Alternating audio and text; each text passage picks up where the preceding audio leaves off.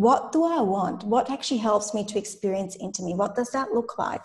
And it tends to look very different for everybody. But also with that, then you know we become again a bit clear on what it is that we want, and then go a bit deeper. Well, actually, is it by and we you know we all have different blueprints in experiencing our sexuality and our sensuality but actually what does that blueprint look like for me what what do i want is it a particular touch um, do I first want to be able to experience a talk or hearing certain words?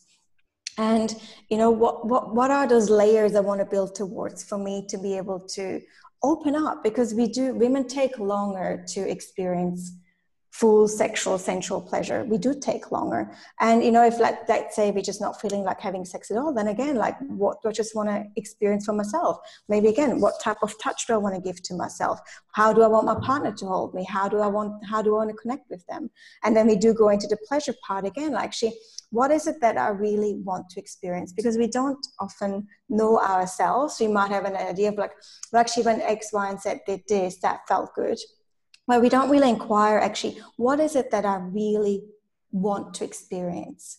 And I always encourage if you want to open up more to your sensuality, discover, discover for yourself. You know, it might feel a bit weird just to lie there, but play some music and then do I like a feather like touch? Do I prefer it a bit more sensual?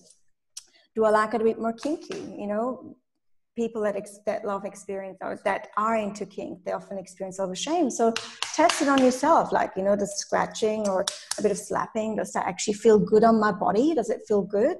And how would it feel if somebody else were to do that to me? So self explore. And something that I have been practicing and has been an absolutely game changer for me is sensual embodiment. It's my morning practice. I play two, three songs I move, I touch myself, I breathe, and I usually do it sensual because I feel in that way I tap into my pleasure. It's not always sexual pleasure, sometimes it is, sometimes it isn't, but I feel like I'm connecting with my whole being and I move sensual and I stretch my body, I touch myself, I give myself what I need, and I meditate for five or 10 minutes. And I feel like that to me, I'm ready now for the day and I'm in my sensuality and I function from a place of pleasure. So if you want to take it back to basics, play some music, move, or touch yourself, and just think about what it is that you want to experience. And then if you are in a relationship, talk to your partner about it. It's I know it's it's easier said than done, but if you don't have the conversation, they don't have an understanding of your inside world, so you won't be able to experience having your needs met. So it does require conversation and I guess the feminine is also being vulnerable and not feeling shameful about being vulnerable. So to let, to let your partner know, by the way, I love when you do X, Y, and Z, but what actually would really give me great pleasure if you were to do this. Mm-hmm. so talking about it. You know, your morning sensual ritual sounds divine.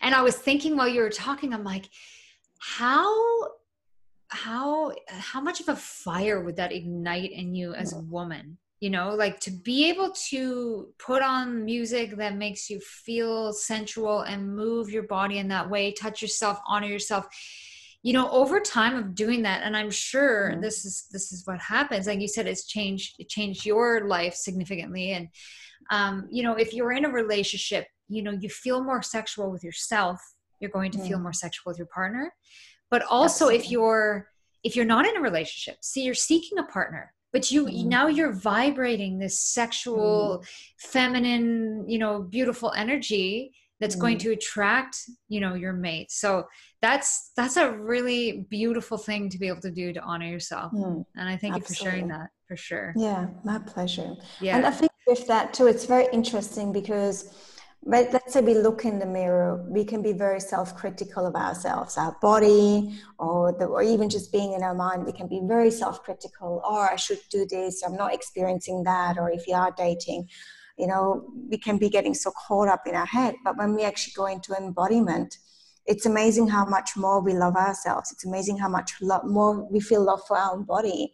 Like the parts that we look and go like, oh yeah, it's a bit wobbly here, or I should lose some weight here, yeah. Wrinkles there. And we just close our eyes and we just touch and feel, actually discover what our skin feels like. We experience so much more self-love. So it's a very powerful way of experiencing self-care and self-love because it's embodied it's from a place of feeling versus from a place of thinking mm-hmm. and that ritual would be such a good thing to do if you do feel like you're blocked in some way from your feminine energy mm. and sexuality too right yeah that could be something that you could do absolutely absolutely. So you know let's talk about so that's one thing you could do if you're not really feeling you know your sexual sexuality or if you're having some intimacy problems let's say in your relationship things like that. Um, is that one of the things you'd recommend uh, for them to do? But also you also talked about talking with your partner and i know a lot of women have a hard time you know mm. expressing what they want in you know sexually or in anything to do with intimacy in general. So, mm what are mm-hmm. some things that you could recommend for them if they're having a hard time just opening up that conversation and, mm and chatting with their partner?